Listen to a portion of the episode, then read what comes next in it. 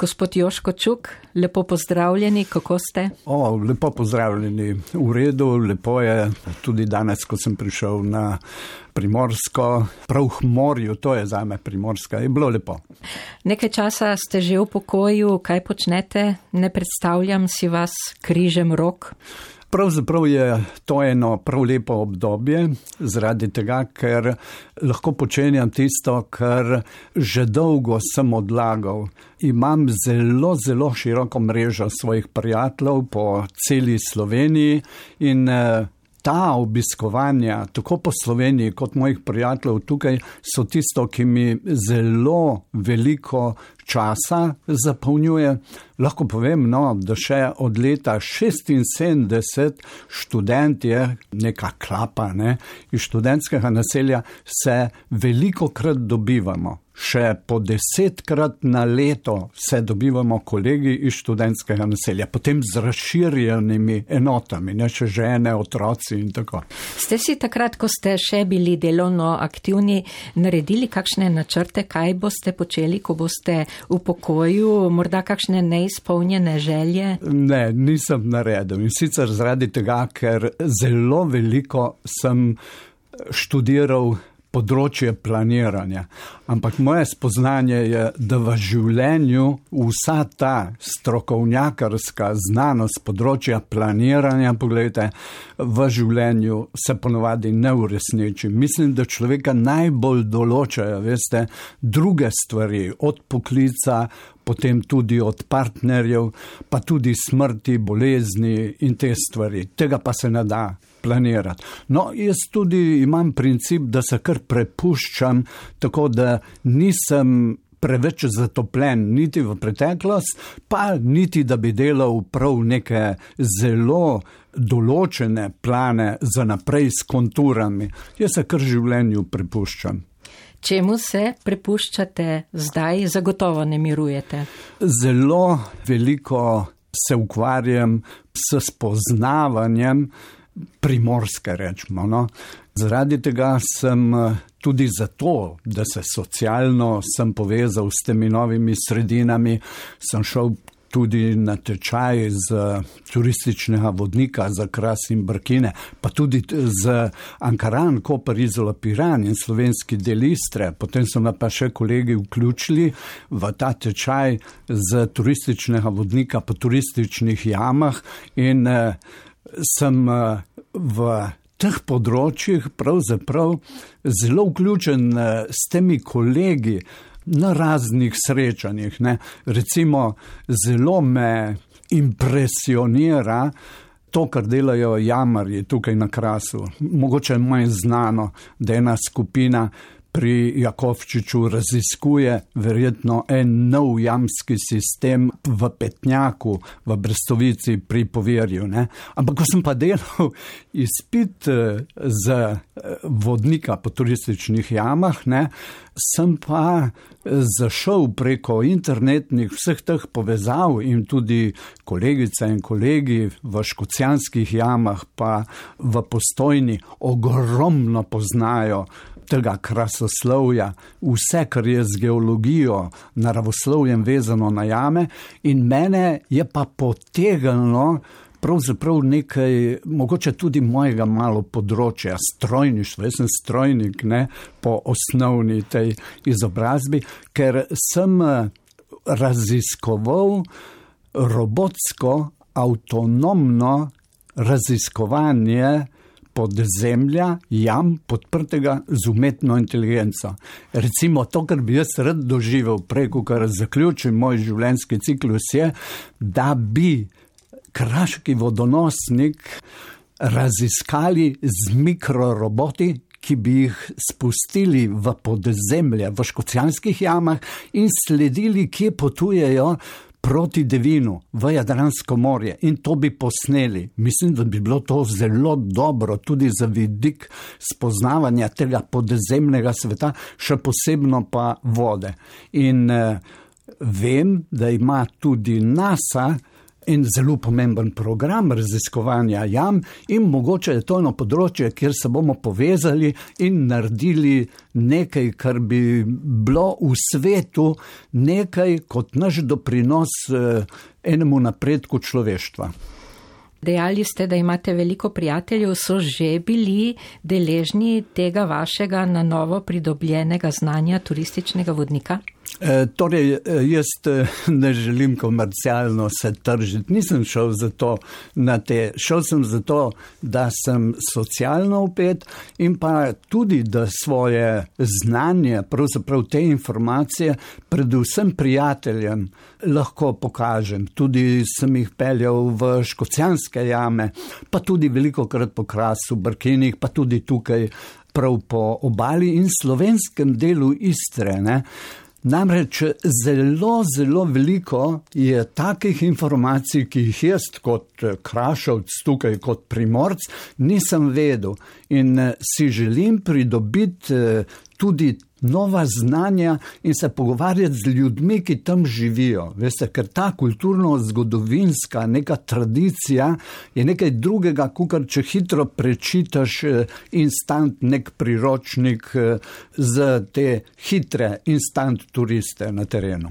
Jaz bom zdaj naredila kar eno usporednico. Jaz vem, da ste vi tudi družbeno dejavni in da ste vključeni v civilno pobudo v zvezi Aha, ja. s središčem Dutovel, predvidevam, da vam to znanje lahko pride prav tudi v tem vašem angažiranju. Tudi to je pravzaprav ena bolečina, kar se v Dutovleh dogaja, zaradi tega, ker način planiranja in pa projektiranja sprememb v eni pomembni kraški vasi, je odmik od eh, napredka, je odmik od kulture in pa civilizacije, od teh standardov, kako je treba ene take projekte voditi. Kaj se je zgodilo v Dutavljah? V Dutavljah je investitor, lahko rečem italijanski kapital, porušil brez gradbenega dovoljenja mitnico nam tudi zlagano gradbiščno tablo so imeli in moti me, oziroma težko si predstavljam, kakorkoli bil sem 40 let upet v dobro in slabo pri graditvi te države, da se lahko take stvari dogajajo brez posledic. Pa še to, ker se zdaj projektira oziroma spreminja v Dutavljah, pogledajte, ni v skladu z kulturnim standardom ohranjanja kulturne dediščine.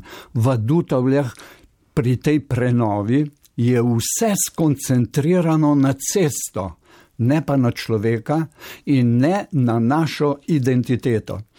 Mi še bolj to občutimo, kot eh, težavo zaradi tega, ker preko našega kolega, urbanista, arhitekta Matjaža Garzarolija, pa tudi zaradi poznavanja projektov, ki jih je na krasu naredil Max Fabiani, vidimo, da je to nazadovanje tukaj v Dutavljah, ne napredek. Nič ni takega, kar bi pomenilo napredek človeškega duha v kulturno-civilizacijskem smislu. Mi smo s tem, kar se zdaj dogaja, če ne bomo naredili kakšnih korektivnih ukrepov, naredili velik odmik. Namreč Dutove se ne da rešiti, če se ne naredi obvoznice in če najbolj eminentno profano stavbo, ki so jo nelegalno porušili, ne postavimo nazaj. Ampak sem pa optimist, veliko ljudi se je zdaj angažiralo in upam, da se bo dalo tudi določene korektivne ukrepe narediti, pa tudi to obvoznico, ki jo čakamo že 40 let. Gre se v bistvu z 150-200 metrov obvoza, da se ne bomo dušili v avtomobilski pločevini na placu s tovornim, tranzitnim prometom in s stacionarnimi avtomobili s parkiranjem na placu. Torej imate vendarle kot civilna pobuda tudi širšo podporo ljudi, kaj pa razumevanje občine, Tukaj imam pač kritičen pogled, zaradi tega, ker mislim, da je občina opustila svoje dolžno ravnanje. Predvsem v smislu informiranja občanov. Projekt Eh, prenove Dutove ni bil razgrnjen. To si jaz težko predstavljam, da si nekdo dovoli, konkretno tukaj župan, da se gre v vaško jedro, ki je zaščitena naselbinska dediščina, brez upoštevanja lokalne kulturno-zgodovinske neke tradicije, take stvari delati. To delajo ljudje, ki so premalo z dušo pri projektiranju prostora, javnega prostora, ki nas potem dolgoročno določa. To, da so v Dutavljah uničili edino zelenico, ki smo jo imeli in iz tega naredili tri parkirna mesta, da eno starodavno cedro so odžagali in s tem spremenili tudi dojemanje tega prostora in da tudi določene elemente dajo, ki so nevarni, to je za ljudi nespremljivo. So se vključili in upam, da bo tudi občina, ker zdaj je tudi občinski svet, jaz mislim, da je to redkost, veste, na primorskem, da je en občinski svet se tako zauzel za neko vaško jedro, kot tukaj v Sežani, in so pravzaprav prisilili občinsko upravo in pa župana, da spremeni način obnašanja in da naredi tisto, kar od njega zahteva zakon in pa kar zahteva morala in pa etika delovanja v naši občini. Civilne pobude in družbena gibanja so se v zadnjem času pri nas zelo okrepila. Kaj je po vašem razlog, ko že imate izkušnje na tem področju? Močno so se spremenile razmere tudi na makroravni, v državi, način sprejemanja odločitev se je na državni ravni močno spremenil, kjer ni zaželena vključenost širše javnosti. Jaz na državni ravni pogrešam to v obliki komunikacije oziroma usklajevanja interesov na socialno-ekonomskem svetu. To je zdaj blokirano. Jaz menim, da zaradi tega ta hitropotezni del upravljanja in vodenja te države povzroča zelo velike spremembe in ima človek občutek, da je to revolucija, ne pa evolucija. Bojim se, da bo prišlo do zelo velikega odboja zaradi tega, ker psihosocialna klima, stanje duha v Sloveniji lahko samo kratkoročno prenese tak šok, dolgoročno pa ne. Vam bom konkretno povedal v Sežani. Jaz sem tudi v komisiji za gospodarstvo in tam razne stvari razpravljamo, ki naj bi se potem obravnavale tudi na občinskem svetu. Vendar tisto, kar mi sklenemo, občinski svet samo dobi informacijo, ali smo bili za ali proti, ne pa, kaj smo mi razpravljali o vsebini.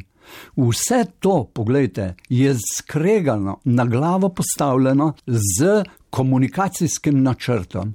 Ljudi je treba upoštevati. Če mi na neki komisiji nekaj razpravljamo, se poglobimo, potem morajo o tej vsebini, ki nas je tam navdajala, morajo tudi občinski svetniki vedeti, ne pa da samo deluje občinski strankarski glasovalni stroj in občinski svet sploh ne ve, kaj telesa in pa komisije občinskega sveta delajo. Tako se je zgodilo okoli tega mega logističnega centra v Sežani. To je ena največjih investicij na primorskem, ne samo v Sežani. To je največja investicija v Sežani, vendar načrt ni bil razgrnjen. Ko sem to sprožil na Komisiji za gospodarstvo in tudi podal svoje pripombe, o teh pripombah ni razpravljal občinski svet, ker sploh te informacije ni dobil. Občina nima komunikacijskega načrta, zato pa je med 212 občinami na 186. mestu po transparentnosti delovanja, ki ni transparentno, ampak je prav vzor slabega, netransparentnega delovanja. Vse to meče zelo slabo luč na politiko, ne? Pa vendar ste se tudi vi spogledovali s politiko, je tako? Ja, pravzaprav celo življenje. Nisem eh, bil strankarsko globoko vključen, vendar ker sem bil na takih položajih, recimo predsednik gospodarske zbornice, se zaradi svojega položaja po zakonu se mora seveda spoznati tudi na politiko. In eh, Zelo, zelo sem vesel, da sem bil pri ustanavljanju socialno-ekonomskega sveta v Sloveniji, ker menim, da taka komunikacija tripartitna je tista ta prava, ki daje državi lahko neko eleganco, tudi ugled v civilizacijskem smislu. Veste, ko sem bil na nekem seminarju direktorjev BMW-ja, ne, Mi takrat še v Jugoslaviji smo govorili, kako mora iti eh, politika ven iz gospodarstva. Ne? Nam so se zapadnjaki smejali, zato ker pravijo, da politika po svoji naravi je povsod, ker je denar. In tudi v gospodarstvu, kje pa bo, če ne tudi v gospodarstvu. Vendar mora biti vodstvo sposobno uporabljati politiko v svoj namen, ne pa sedeti na razpolago, da te politika izkorišča v svoje politične namene. Politično odločanje ima druge kriterije, kot je eno kakovostno poslovanje poslovnega eh, subjekta. In direktor mora pač eh, se spoznati tudi, tudi na politiko. Kmalu bodo volitve, vas morda mika, da bi kandidirali? Ma bližam se 70. letu, pogledajte, in menim, da je treba dati mlajšim eh, prednost. Verjetno pa v kakšni skupini bom eh, skupaj nastopal že zaradi dinamike in pa živahnosti načina mojega življenja. Gospod Čuk, bolj kot po politiki vas ljudje, sploh starejši in tisti srednjih let, poznajo po vašem delovanju v gospodarstvu, kar ste tudi sami zdaj že nekajkrat omenili in to na vseh ravneh. Vaša karjera je bogata in dolga, začela se je v novogoriških vozilih, nadaljevala eh, na Ministrstvu za gospodarstvo, Ja. Pa v Saturnusu, iz Saturnusa pridemo na gospodarsko zbornico in na koncu celo v Novogoriško gledališče.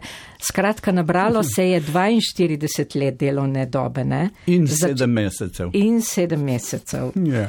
Začeli pa ste kot strojnik, ste dejali. Ja, Kako ja. dolgo ste opravljali ta poklic? Z velikim veseljem bil sem štipendist na vozilih v Gorici. To je bila firma 1600 ljudi. Mi smo mislili, da tako obvladamo konstrukcijo, upogibanje, obdelovanje kovin. Bili smo v trendih vsega sveta. No.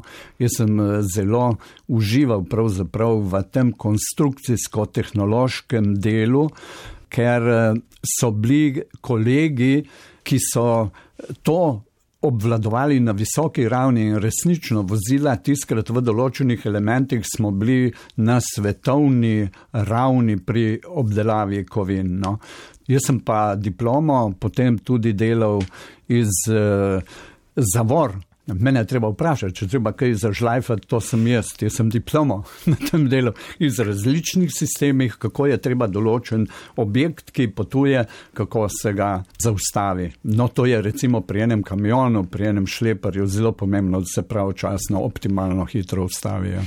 Koliko časa ste bili v vozilih? Bil sem nekaj več kot tri leta, potem pa sem šel ja, na Republiški komitej za energetiko, industrijo in gradbeništvo, to je danes Ministrstvo za gospodarstvo. Ja. Tam tudi niste bili dolgo, ne? Ne, tudi samo nekaj let, potem sem pa šel v Saturnus. Ja. Ampak me je pa zelo zaznamovala ta državna uprava, da sem spoznal postopke, pravzaprav še danes, pogledajte, sem zelo kritičen, ne samo do naše, ampak v svetovnem smislu do birokracije, ki duši procese. In tudi pri nas doma vidim na tem področju še strašno velike rezerve. In zelo pomembno je, da ne o tem govorim samo šankarsko, ampak imam iz tega področja osebno izkušnjo ki vam je prišla prav, predvidevam, potem tudi v Saturnusu. To je bilo takrat veliko podjetje, ne? Čudovito podjetje, 2000 ljudi, ne? delali smo pločevinke za prehrambeno, kemijsko, farmacevtsko industrijo, za maške, za kozarce, tudi za steklenice, potem pa tudi žaromete in svetilke za avtomobilsko industrijo in eno najboljših orodjarn v Sloveniji smo imeli utopna, žična erozija, merilna tehnika. To je bilo na svetovnem nivoju. Jaz sem najprej tam vodil strojegradnjo. In to, če me bi danes vprašali, kaj je tisto, kar me je najbolj tako tudi po strokovni plati zaznamovalo. Mi smo takrat v strojegradnji v šestih mesecih naredili stroj, tako zvano twist of zapiralko, to je zapiralka za pokrove kozarcev, avtomatska. V šestih mesecih smo naredili avtomatski stroj s 1220 elementi, ki je bil točno narejen v tistem času, šestih mesecih, in je deloval. In eh, to sem občutil, kako je lepo delati v skupini, kjer ljudje ciljno usmerjeno podpirajo drug drugega, da ni prihajalo do neke zavisti oziroma do nagajanja enega do drugega, ker se zelo veliko energije potem razkropi oziroma uničuje. Veliko krat eh, sem tudi potem videl, kako je pomembno to, da ljudje delujejo drug do drugega podporno in na ta način pridejo potem čudoviti, optimalni projekti. Vesel sem, ker sem psihosocialno klimo v tej skupini jaz vodil in mi je uspelo na tak način narediti twist of zapiralko, kot moj, ima tak čudovitno občutek imam, ko se na te stvari spomnim. No, to je bila verjetno podlaga ali pa tudi odskočna deska potem za napredovanje. Hkrati ste tudi študirali, ne? Ste se izobraževali ob delu? No, to je bil zelo velik izziv. Ne? Jaz sem s 33 leti bil generalni direktor Saturnusa, 2000 članskega kolektiva. Sveda nisem priplaval po juhi tja, ne? sem že prej tehniko, tehnologijo, projektno vodenje obvladal, tudi kaj konstruiral in tako naprej. Biti generalni direktor take pravzaprav korporacije je pa nekaj drugega. Veste? Človek naj ima določene tudi osebnostne lasnosti, ampak sem bil tudi tako samokritičen, da sem želel z magisterijem postati primerno, optimalno kompetenten. To je bila moja želja in zato sem pisal ta magisterij in imel sem čudovitega mentorja dr. Staneta Možina, ki je bil doktor ekonomije, ampak je tudi, mislim, da je doktoriral na filozofiji in ogromno se ukvarjal s sociologijo in psihologijo.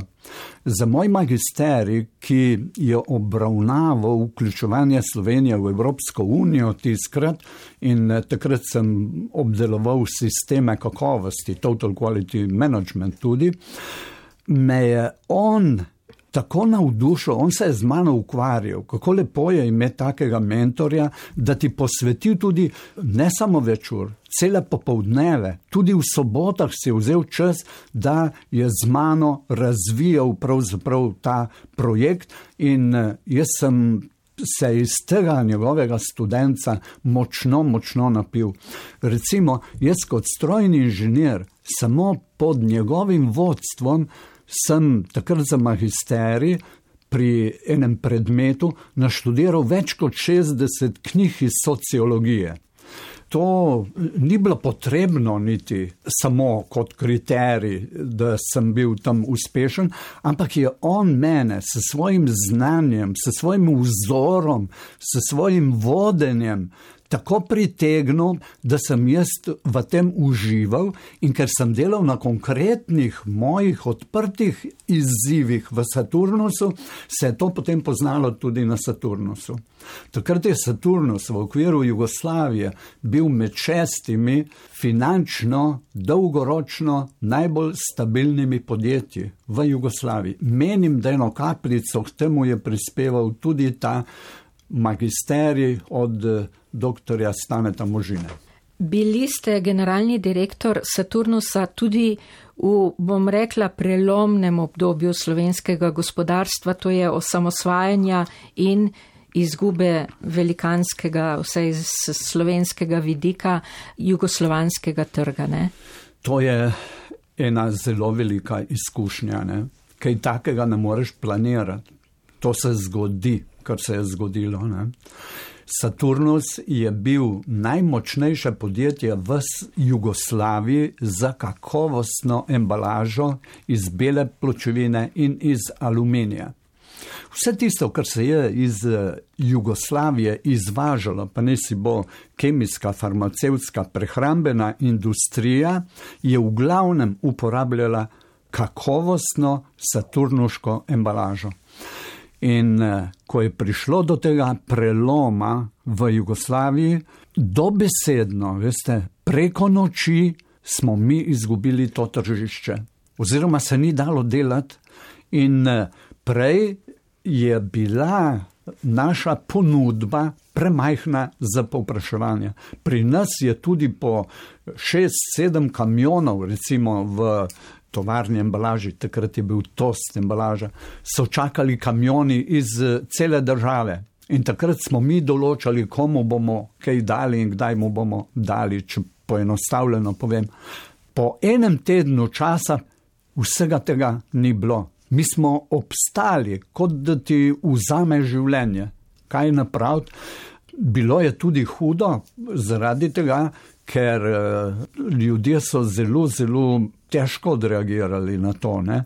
Veste, to je revolucionarna sprememba, ne? kot je bila revolucionarna sprememba takrat, eh, ko je vojska napadla Slovenijo. Mi smo kot Saturnus, avtoprema, bili prav zraven vojašnice v Mostah in smo hodili pravzaprav preko Minskega polja v službo videl sem, kako ljudje odreagirajo, tudi čustveno, kako dojemajo nevarnost. Veste, to je objektivno gledanje, je pa tudi čustveno. Ne? Tiste ljudi, ki so čustveno to sprejemali zelo turbulentno, nekontrolirano, smo se z njimi pogovorili, da niso hodili v službo, da ni prihajalo do določenih škodljivih prijemov, procesov za njega samega, pa tudi eh, za okolje. To so stvari, kot ste prej rekli, ki se jih ne da planirati. Tiskrat skočiš v vodo in daš od sebe tisto, kar imaš znanja, kar imaš izkušen in s svojim osebnostnim profilom. Vesel sem, da se je tako končalo. Ste se pa z izgubo jugoslovanskega trga soočali tudi potem pozneje na gospodarski zbornici Slovenije? Ja. To je bil projekt oziroma večletna težava. Ne? Namreč V makroekonomskem smislu, pogledajte, Jugoslavija je prej imela en cilj, smo bili ena država, smo se nekje skupaj dogovarjali. Po tej katastrofalni ločitvi pa je vsaka republika stremela po svojem optimumu, svoje države. In eh, vsak organizem ima željo, potrebo, tudi mislim, da je to dolžnost, da skrbi za svoje preživetje, obstoj in pa preživetje. In takrat se pojavijo egoizmi, egocentrizmi in to je šlo na škodo, seveda. Jaz mislim tudi vsake posamezne države. Zaradi tega je tudi bruto domači proizvod takrat posameznim elementom močno, močno padel. Na gospodarsko zbornico ste prišli leta 92, 1992, tam nekje, ne? Ravno takrat, ja. Bili ste 14 let na zbornici? Ja, to je 14 zelo lepih let zbornice, ja. Najprej sem bil podpredsednik, potem sem postal predsednik. Ne. Zelo me je zaznamoval projekt izgradnje nove zbornice, ne, tako imenovane Esmeralde, ampak malo ljudi ve, da je ta nova zbornica, stavba na Dimičevi, pravzaprav neka racionalna uporaba prostorov, ki smo jih prej imeli. Prej smo bili na sedmih lokacijah v Ljubljani, potem pa smo postali združeni na eni lokaciji in približno eno tretjino površin, kot smo jih prej imeli, smo tukaj sprojektirali in živeli v tej novi stavbi. Je pa to bila stavba, ki smo jo projektirali po svetovnih standardih. Ne. To je tudi botrovalo, ker sta Sadar Buga, arhitekta mlada, zastavila zelo smelo to stavbo, ki je potem dobila tudi Evropsko nagrado za arhitekturo in eh, še danes velja z presežni projekt, ne samo kot objekt v gradbenem smislu, ampak tudi kot eh, urbanistično in potem po funkcioniranju kot zelo dober projekt. V Ljubljani se temu principu, načinu projektiranja in končnemu potem efektu približuje zdaj džamija v Ljubljani. Prej je pa zbornica imela absolutno prednost eh, na tem področju v Sloveniji. No, ampak hočem povedati, da kako nastane tak projekt presežne vrednosti, da dobiš Evropsko nagrado za arhitekturo.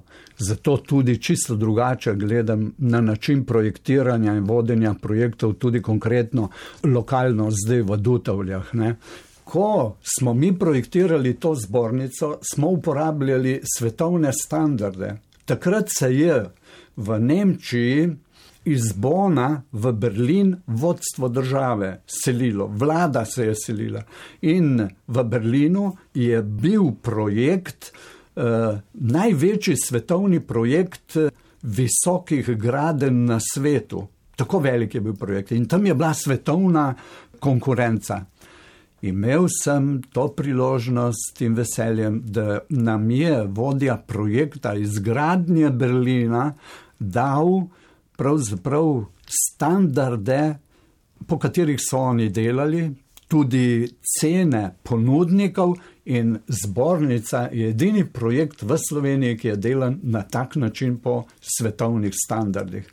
Da smo pa ujeli trende tudi v smislu arhitekture, oblikovanje objekta, oblikovanje tudi prostora okolice, smo šli pogledat tudi v Dubaj prav se pogovoriti z projektantom hotela Sidro, ki je takrat bil neka referenca na področju gradbeništva oziroma milenijumski projekt, tudi kako se je delal dol Burđelara.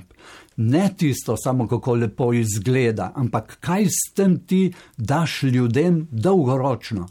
Tudi v London smo šli pogledati pet projektov, ki so bili projekti tisočletja, ampak da smo videli, v kateri smeri se razvija oblikovanje, urbanizem, arhitektura, kaj so izzivi glede na nove tehnologije v svetu. In to smo počrpali in dali v to gospodarsko zbornico, in zato je dobila potem tudi to Evropsko nagrado. Ampak kako so pa ljudje čutili?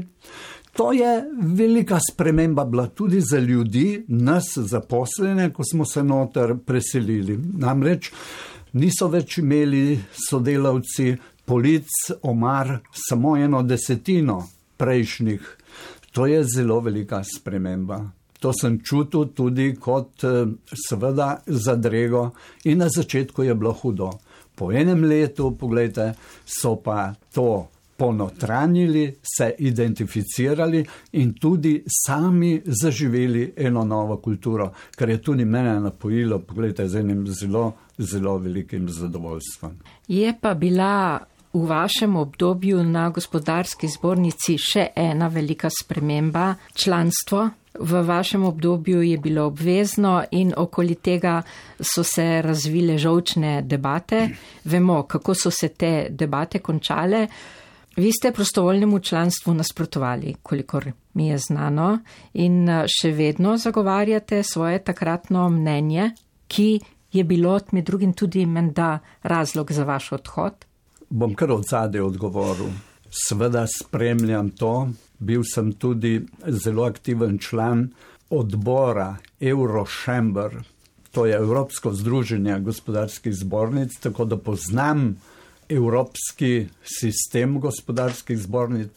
Tudi sem bil na enomesečnem izobraževanju v Barceloni, o teh dilemah, veste, prostovoljno, obvezno članstvo, kaj naj bo struktura zbornic v različnih družbeno-političnih sistemih in tako naprej. Ne. Tudi danes mislim, da je to bila napaka. Zakon v Sloveniji se je nasilno tudi z določenimi špekulativnimi prijemi, predvsem političnimi, spremenil iz obveznega v prostovoljno članstvo. Pričemer Italija, Avstrija, Nemčija, tudi Španija, naše zelo pomembne trgovinske partnice, tudi danes imajo obvezno članstvo. Iz ene gospodarske zbornice v Sloveniji, češ da je predraga, češ da je predraga, s tem lahko barvamo oči publiki, ne, je nastalo, če imam pravo zdaj informacijo, 56 samostojnih novih zbornic in pravnih oseb. Bila je narejena pred, mislim, enim ali dvem leti ena taka hitra analiza, ne. Te zbornice, če se štejete zdaj njihove budžete, imajo 2,8 krat večji budžet, kot ga je prej imela enotna zbornica. Menite, da je 56 novih gospodarskih zbornic, pravnih oseb, bolj učinkovitih, kot je prej bila gospodarska zbornica, ne vprašati mene. Naj bo to vprašanje za poslušalce, če Tako. se strinjate. Ste pa v tistem obdobju, ko ste bili na gospodarski zbornici, bili tudi državni svetnik in, kar radi izpostavite, 17 let tudi predsednik Slovenskega združenja za kakovost in odličnost. V državnem svetu sem po liniji gospodarske zbornice bil tudi član državnega sveta in sem vodil pač komisijo za gospodarstvo oziroma delodajalce tiskrat. In takrat sem tudi bil v socialno-ekonomskem svetu Republike Slovenije in eno leto tudi predsednik socialno-ekonomskega sveta zaradi tega, ker predsedniki rotirajo. In to mi je dalo tudi širino. Ne? Namreč moj način gledanja, če gledam tehnični vidik strojnika, če gledam ekonomski, ga moram gledati tudi psihosocialnega. Ker sem delal s politiko, sem dobil potem tudi občutek za politiko. Ne tisto strankarsko, ampak kako jo je treba uporabiti v gospodarske namene. Ne? No, omenili ste pa eh, mojo ljubezen, to pa je Slovensko združenje za kakovost in odličnost, ker sem 17 let bil predsednik. Ne. In eh, tudi za današnjo rabo lahko povem, da je tiskrat moto bil, ki smo ga imeli kot moto Slovenskega združenja za kakovost, da odloča lahko samo tisti, ki prevzema odgovornost za posledice svojih ravnanj. To smo imeli napisano tudi na naših promocijskih materijalih. Zelo globoka misel. To je misel, ki izvira iz filozofije kakovosti. Ne sme odločati tisti, ki ne prevzame odgovorno posledic tega.